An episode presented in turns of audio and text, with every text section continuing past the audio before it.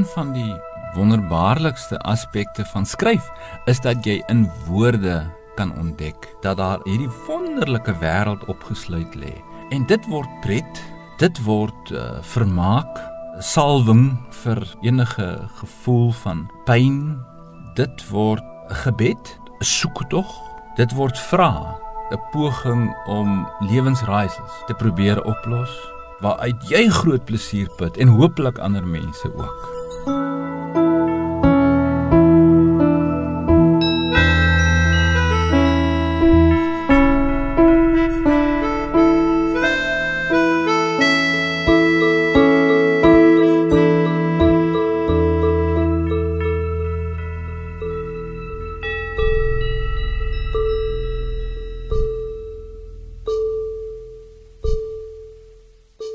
Die stem van Wile George Weideman. Soos ek laasweek ook gesê het, jonk van gees en stem en inspirerend tot die einde. En soos Marius de Plooi my hierdie week weer herinner het, hierdie opnames en gesprekke waarna ons luister, is opgeneem maar etlike weke voor sy dood in 2008. Goeienaand en baie welkom by Vers en Klank. Ons gaan vanaand luister na 'n tweede aflewering van 'n program met gedigte deur en geselse met George Weideman. Marius de Plooi het vir my tydens die inperking opnames gebring van onderhoude wat hy met George Weideman gevoer het, asook die CD Dupa, saamgestel deur Helena Conradi, wat bestaan uit musiek en gedigte van Weideman. Weile Annelise Wit se stem, François Leroux oftewel die Haman se musiek en Helena Conradi se stem wat ook voordra word gehoor op hierdie album. En Marius de Plooi was weer eens ook die projekleier en het die regie behartig. George Weideman was nie net 'n digter nie. Hy was een van die veelsidigste Afrikaanse skrywers. Sy oeuvre sluit in kortverhaalbundels, romans, jeugboeke, radio en verhoogdramas. Hy was ook 'n akademikus van formaat, buitengewone professor aan die Universiteit van die Vrystaat en bekend as geliefde dosent vol verwondering en raaisels, bewus van die magiese in alle dinge. Dit is kodewoorde vir Weideman se poësie, skryf Abraham Hadevries. Dis wat aan die woord sy krag verleen van wêrelde oproep, van skepping, sy magiese krag om die gewone ongewoon en vol raaisels te maak. En dis weer min of meer waar ek gaan ophou praat vanaand en oorgee aan George Weideman natuurmens, helende teenwoordigheid. Dopa vir die droefte. Langs die rooi pad na Karasburg staan 'n kokerboom, 'n enkel boom, bloei gevreet van ou dag se moe.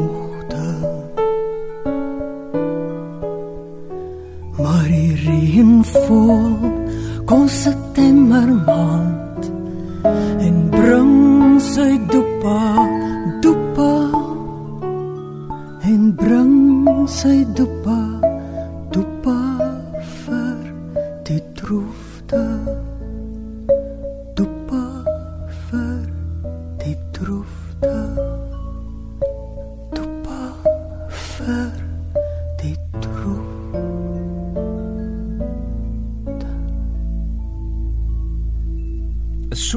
dit het nie noodwendig met die geografiese te doen nie, maar my identifisering met hierdie landskap lê dan veral in die landskap self. Die die feit dat jy's bewus daarvan dat 2 3 4 5 6 tot 7 jaar nie reën nie en dan met eens kom dit reën en net daai blote ervaring van droogte aan die een kant wat mense knel in in mense bankrot maak en en skape laat doodgaan. En dan aan die ander kant die skielike herstel van die veld, die byna on die die magiese herstel van die veld, nê, nee? die onbeskryflike groen wat uit hierdie dorheid kom. Uh, dit is dinge waarmee 'n mens wa, ek kan eintlik nie iemand anders oortuig dat dit waar kan wees nie, maar jy moet dit self ervaar. Selfs met die blomme. Dis nie elke jaar 'n blomjaar nie uh, juis ook as gevolg van die droogte of uh, as gevolg van die feit dat die reën nie uh, oor 'n oor 'n gelykmatige tydperk val nie Um, meteens uh, kan jy vir mense sê maar gaan kyk, ry gou-gou. gaan kyk, die blomme gaan dalk net vir 'n paar dae oop wees, maar gaan kyk. En dan is almal verstom oor wat gebeur het in hierdie landskap. Ehm uh, die die landskap het definitief te maak met daardie gevoel van dis my wêreld. Ek dink ek het een van my vroegste gedigte het ek dit as my claim beskryf, so 'n tipe van 'n metafoor gebruik. Ehm um, waaruit ek dan nou, jy weet, iets haal. Ek ek was self baie geïnteresseerd in klippe in in in klippe optel in mineralogie. En ek dink ek het die metafoor gebruik om te sê, maar so kan ek ook my gedigte uit hierdie wêreld haal. Daarom is baie van my oorspronklike gedigte soos Leipold en Boerneef se ehm um, gedigte wat met die landskap te maak het.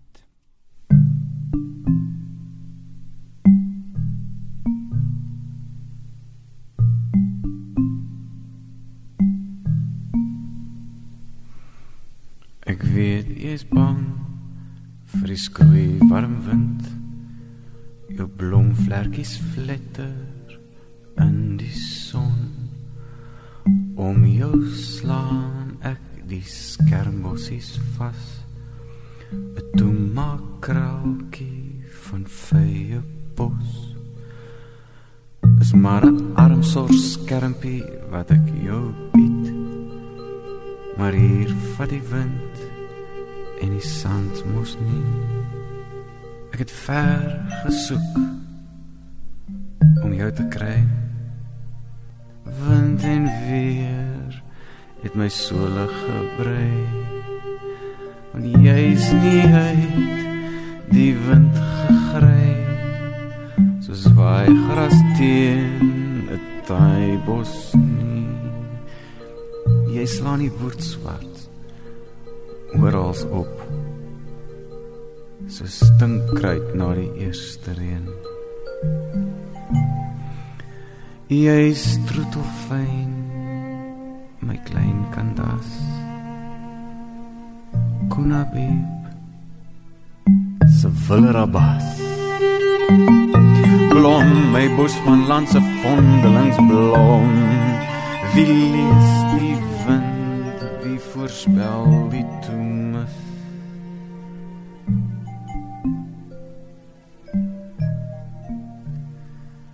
En wie weet of het gou weer blomjaar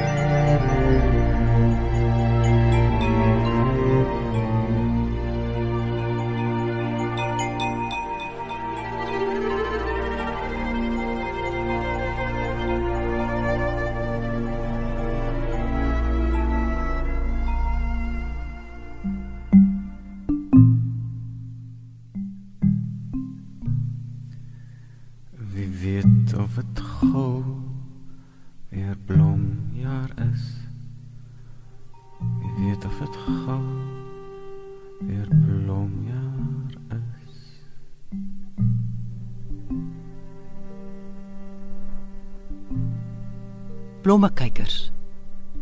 Julie maand en die familie skryf. Sal daar blomme wees vir jaar? Is vooruitsigte goed of sleg? Nooit vra hoe staan die koring? Het dit al gereën? Het die skaap kondisie nie? Al jemmers net die blomme. En en Augustus kom ek kom fooie uit die Kaap, die baai Transvaal, kom kombies, 'n lang slap gatkarre, kom trap gousblom in sporrie snuif. Kom bier en braai rib in die hand. Die kameras die tsir en klik van kykgat tot by Kammies kroon. Tot selfs ouma nie meer kan lag nie. O, oh, julle Noordwesters is daarom gasvry, maar hoe leef julle sonder TV? amper vir hom gesê dankie. Ons sien ver genoeg. Maar vir die of hy se verstaan. As ons ver oor die vlaktes na die weste tuur, sien ons hoe wissel kleur op kleur. Bedags strikdassies, pietsnot en hongerblom en die baldadigste geel varkensknol. Saans die son pure bont kopdoek. Snags die sterre ons eie silwerdoek. Vroeg skemer smors, misroepertjie wat vuut, die mis stoot oor. Klas Fakie stout sê sst. Maar as die blomme vir hulle te veel word of die water darm te brak, dan pak hulle in wat die oë kan sien en die hande kan dra. Here, wat sal Pam sê van die karos? Wat is dit nou weer? dassie of wille kat? Hoe grunse ou Herbie nie weet nie. Imagine 'n regte tontel doos. Daar kan jy die wat se naam 'n gat, né? Gat skuur vir 'n deurstop vat. O ja, dankie tog vir die wildsbiltong. Is awfully nice van julle. Sê vir my wat is die vinnigste pad uit hierdie godverlate gat? Somstyds voel mens jy sien net bitter gousblom en gifmelkbos. Soms wil 'n mens bid. Kom, toe maak mis, kom trek jou sluier, kom maak jou kinders se oë toe. Of oostewind, kom wy jou wy, kom wy maar alles moerland toe.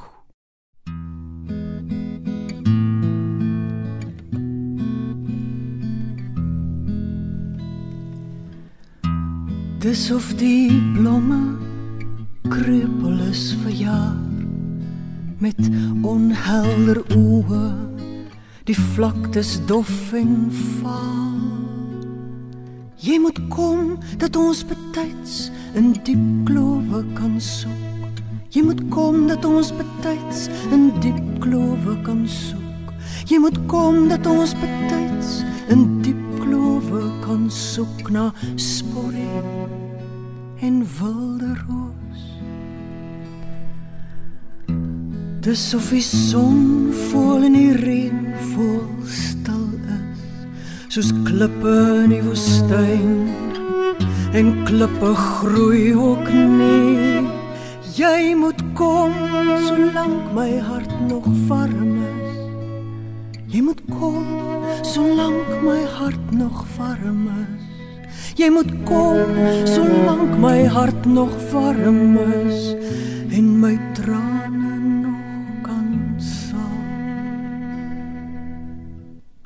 Dis of jy daar verby vlieg soos trekvoels na somer wat ons nie meer ken nie.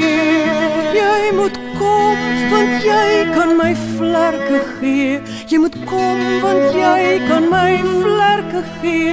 Jy moet kom, jy kan my vlerke gee sodat ons saam kan vlug.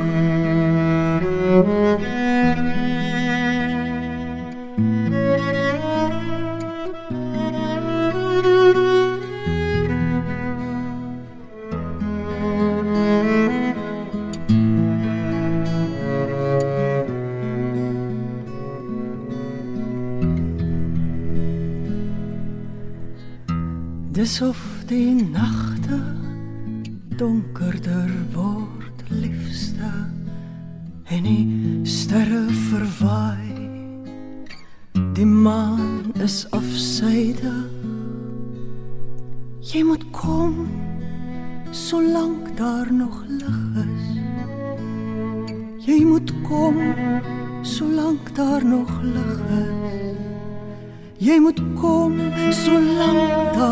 lig is en tyd.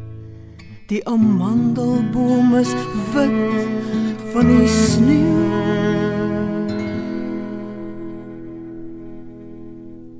Ek het 'n wonderbaarlike ouma gehad, ouma Baai. En sy, dis nou my moeder se se ma, en sy was ook van hierdie mense wat eenvoudig uh met die verbeelding geleef het, jy weet. Miskien was sy dikwels eensaam. Ek meen hulle het op 'n baie eensame plaas gebly in die suide van van Suidwes. En haar man was natuurlik baie in die veld, my oupa. Uh en sy het moes haarself dikwels vermaak. Sy het vreeslik graag kaart gespeel, solitêr. Jy weet al die verskillende soorte. Sy was baie goed. Sy kon fortuin vertel en nou sien daar kom die magiese nou weer in of die spel met die magiese want sy het wel vir die hele familie omtrent dan hulle fortuin vertel, maar almal het eintlik op die ou end almal het besef ja, uh, ons neem dit met 'n knypie sout ook. So dis nou nie 'n ernstige ding nie, maar dit was lekker, dit was vermaak. Ek meen die jong dogters het altyd voor hulle troue na ouma Baai toe gekom, jy weet, om te sê pak uit pak uit die kaarte. En sy sy was baie opsigte stout ook, jy weet, ek meen sy het byvoorbeeld kaartjies versamel die wat in die sigaretdosies was in daardie jare in C2C en ek weet nie watter ander sigarette nog nie, pakkies nie. Was daar kaarte. En sy het hierdie kaartjies versamel. En op 'n dag het sy 'n pakkie wat nou nog nie oopgemaak was nie, maar kyk sy het nie self gerook nie, maar van die ooms in die huis en of van die familie het gerook. Dink my my oupa op daai stadium seker ook. En toe sy die pakkie oopmaak, toe sien sy maar ek het al hierdie kaartjie. Toe vat sy die pakkie terug winkel toe. En sy het op die oomblik in die hof beland daaroor en sy het haar saak self verdedig en vir die regter gesê, kyk, sy gaan nou nie langer haar tyd laat mors nie. Sy het 'n goeie rede gehad hoekom sy die pakkies wou omruil. Nou dis die soort mens wat sy was. En sy kon soos my ma, ek neem aan ma dit geërf van haar uh vir jou aan die hand vat in in of dit nou vroegoggend was of laat middag kon sy vir jou letterlik uh kom ons sê lewende vorms uit die dooie dinge uit klip of uit uh, bome en so meer toer. Dit dit was dit was die gevoel wat mense gekry het. Ehm um, ag alles in hierdie wêreld was op 'n manier mens kan sê magies. As jy as jy daaraan dink dat die temperatuur geweldig hoog is in daardie wêreld en jy slaap snags buite op die vlak op die matras en jy word soggens 4 uur wakker want dan begin dit mos nou al in die somerlig raak en jy hoor haar stap met haar melkemmertjie na die bokkraal toe. Dan is dit of 'n heel ander wêreld. Wat miskien is dit 'n wêreld wat jy ook al in boeke teëgekom het. Jy weet ou klassieke verhale waaraan jy hierdie mens wat na die bokkraal toe stap herken. Jy weet hierdie herkenning van jou van jou ouma as 'n soort mitiese figuur feitelik. Nou ja, Dit is wonderlik. Ouma Baai maak heuningbier. In hierdie onvaste uur tussen slaap en wakker word, is my geheue sonderling opgeskort. Langs die steier brand 'n asbos vuur. 'n Koningstor kom agter sy gebrom pad langs aangesnor. Bokke blær hul voersak te gemoed en die môre ster raak weg in die dieptes van 'n sonneblom. Onder 'n karos op die steierkus staan sorgsaam toegemaak en stilweg deur die werfhond bewaak 'n boepens kom met karib en gis. 'n dolende engel gelok deur die geur sweef rakelings verby die waanhuisdeur Ja, ek, ek dink die magiese is 'n is 'n wonderbaarlike manier as jy bewus is daarvan en dit troetel, nê, om om te ontsnap aan die doodgewoon alledaagse die rotine. Uh uh die hele ontstaan geskiedenis van van vers kombuis is miskien 'n goeie uh manier om dit te verduidelik.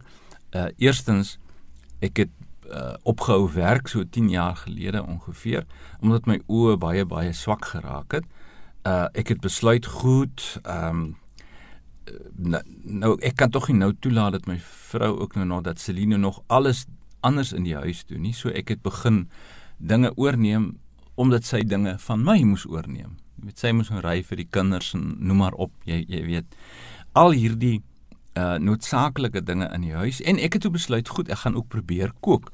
Nou ja, dit het natuurlik 'n hele lang geskiedenis uh daar's daar was in die verlede 'n poging om te kook toe toe haar ma baie siek geword het en ek in Windhoek probeer het om haar te verras met haar terugkoms uh met 'n kaas soufflé, maar die ding het omtrent in die olie gedryf. En 'n ander en 'n ander wonderbaarlike geleentheid was toe ek aangebied het om 'n kerskoek te maak en ek natuurlik in, in plaas van maar weekliks elke dag 'n bietjie brandewyn bygegooi het. Die kerskoek het ook so ongeveer gedryf in die in die brandewyn. Hy was so jy moes hom met 'n lepel eet, jy weet. maar hier in 1997 98 het ek besluit ek gaan nou ernstig probeer kos maak. En toe ontdek ek maar ja, hier werk 'n mens met konkrete dinge en elkeen van hierdie konkrete goed het 'n storie. Soms kon jy die storie daarvan of 'n storie wat daarmee verband hou op die internet gaan gaan lees soos uh die die hele legende wêreld van van die eiervrug byvoorbeeld. Dit is fascinerend om te gaan kyk wat is daar in die ooste, Midde-Ooste veral al al al, al gesê oor, jy weet, eiervrug en en wel, die feit dat jy byvoorbeeld baie olie nodig het vir hom. Maar doodgewone dinge soos uh uh, hierdie klein pampoentjies wat wat vir my toe uh skielik heel magies lyk na uh klein vleiende pierentjies wat op die stoof beland, jy weet. En dan en dan sit dit 'n mense verbeelding gewoon aan die gang. En dis hierdie ons ons kan weer sê hierdie sekere normale verskynsels, maar die verklaringe het 'n het 'n sprokiesagtige stertjie soos 'n komeet nou, jy weet. Wat wat my as skrywer natuurlik gefassineer het. Soos wat dit my as kind gefassineer het uh, om na sulke stories te luister. En en dis waar kos maak wat 'n gewone harde werk is. Ek bewonder elke huisvrou.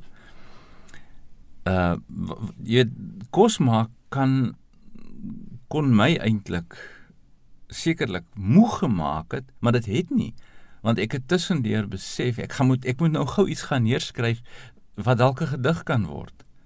Dit was nie beplan nie, dit het net natuurlik gekom. Maar vir my was die ontvlugting, was die was die reddende element wat my aan die skryf dan ook gehou het in die tydperk juist die die ontdekking van die magiese in lepels En en jy weet hoekom met 'n lepel so vorm en wat is belangriker mes, vurk of lepel? Uh of vrugte, jy weet watter vrugte is die mees erotiese vrugte? Uh tot tot vandag toe nog hoor jy dit. Ek bedoel dit is dit is 'n eenvoudige feit dat dat vrugte uh, uh veral byvoorbeeld nou dat daar weer 'n geleentheid gehad wat iemand gepraat het oor swart vye uit Turkye. En toe dink ek by myself ja, want dit is van die mees erotiese vrugte wat daar is. En ehm um, so het, jy kan sê al wat 'n ding is van speserye en kruie tot by die die die die implemente wat 'n ou gebruik en dan die verskillende soorte kos, die het 'n uitwerking gehad op my verbeelding. Natuurlik, ek hoef dit nie te gedoen het nie, maar dit is is is vreemd. Ehm um, dat jy nie vir jou verbeelding eintlik moet nee sê nie. En dit het Opperman lank terug ook al vir my gesê. Jy moet luister na jou verbeelding. Carica papaya. Die vrugte ballonne van saffraan laat mens dink aan moeders eers in tropiese Afrika besig om hul babas te borsvoed. Plat op die grond sit hulle en wikkel hul tone terwyl hulle sing en neurie en wiegend die muggies en vliee verjaag. By hulle voel mens nie die harwar nie. Jy word deel van die storiekaros wat hulle weef en wyd om hulle sprei. Met papayas kan jy jou nie harde kujavel hou nie. Hulle laat jou jou sagter self ontdek. Die ou verhaal van die Phoenix wat uit die as verhuis, die voël wat as dit ware uit die, jy weet, uit die niet weer te voorskyn kom, is eintlik 'n goeie metafoor vir my pa en ma se ingesteldheid, jy weet dat iets uit niets gemaak kan word. En omdat hy 'n houtwerkman was, wat letterlik as hy by 'n boom verbystap kon sien in hierdie boom se mik sit daar twee vlerke en dit is sê nou maar uh, hy het nou nie gedink noodwendig aan die Phoenix nie, maar dood gewoon aan 'n skoenlapper. En dan het hy huis toe gegaan met die mik wat hy afgesaag het en aan die verskillende uh die twee vlerke van die skoenlapper daar uitgehaal en dit uh, mooi bewerk net net effens en uh, met vernis en uiteindelik het jy dan eintlik tog maar 'n soort Phoenix wat uit die uit die niks verrys nie. En so was my pa se hele lewe as as houtwerkmens. En dit het my geweldig ook aangespreek. Seker nie bewustelik nie, eers agterna besef. So was hy ook 'n kunstenaar. Daarom het ek 'n hele reeks gedigte geskryf wat dit huldig, wat wat iets daarvan sê. 'n Tuin was nie vir net die mense eerste woonplek nie. Jy het bome nodig. En die lied van die olyfluister vroeg in die môre as jy uit drome van paradyse wakker word en die dag vol pyn en soos 'n wildernis voor jou lê. Vir jou kind het jy 'n tuin nodig. 'n Hangmat waarin sy skommel oor slaai en marjolyn. Jy het behoefte aan 'n boom, moerbei en geurende koper waarin jy kan sit en lees en mediteer oor dae en leeftye. 'n akker waar jy geel wortels trek en sit en skryf nog met die turf aan jou vingers en weet 'n tuin is ook 'n laaste rusplek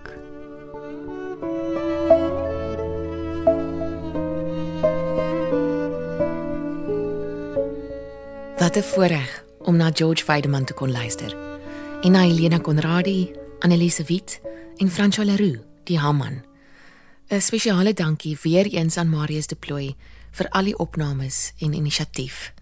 Ek verstaan regtig nou kom jy so passievol daaroor was.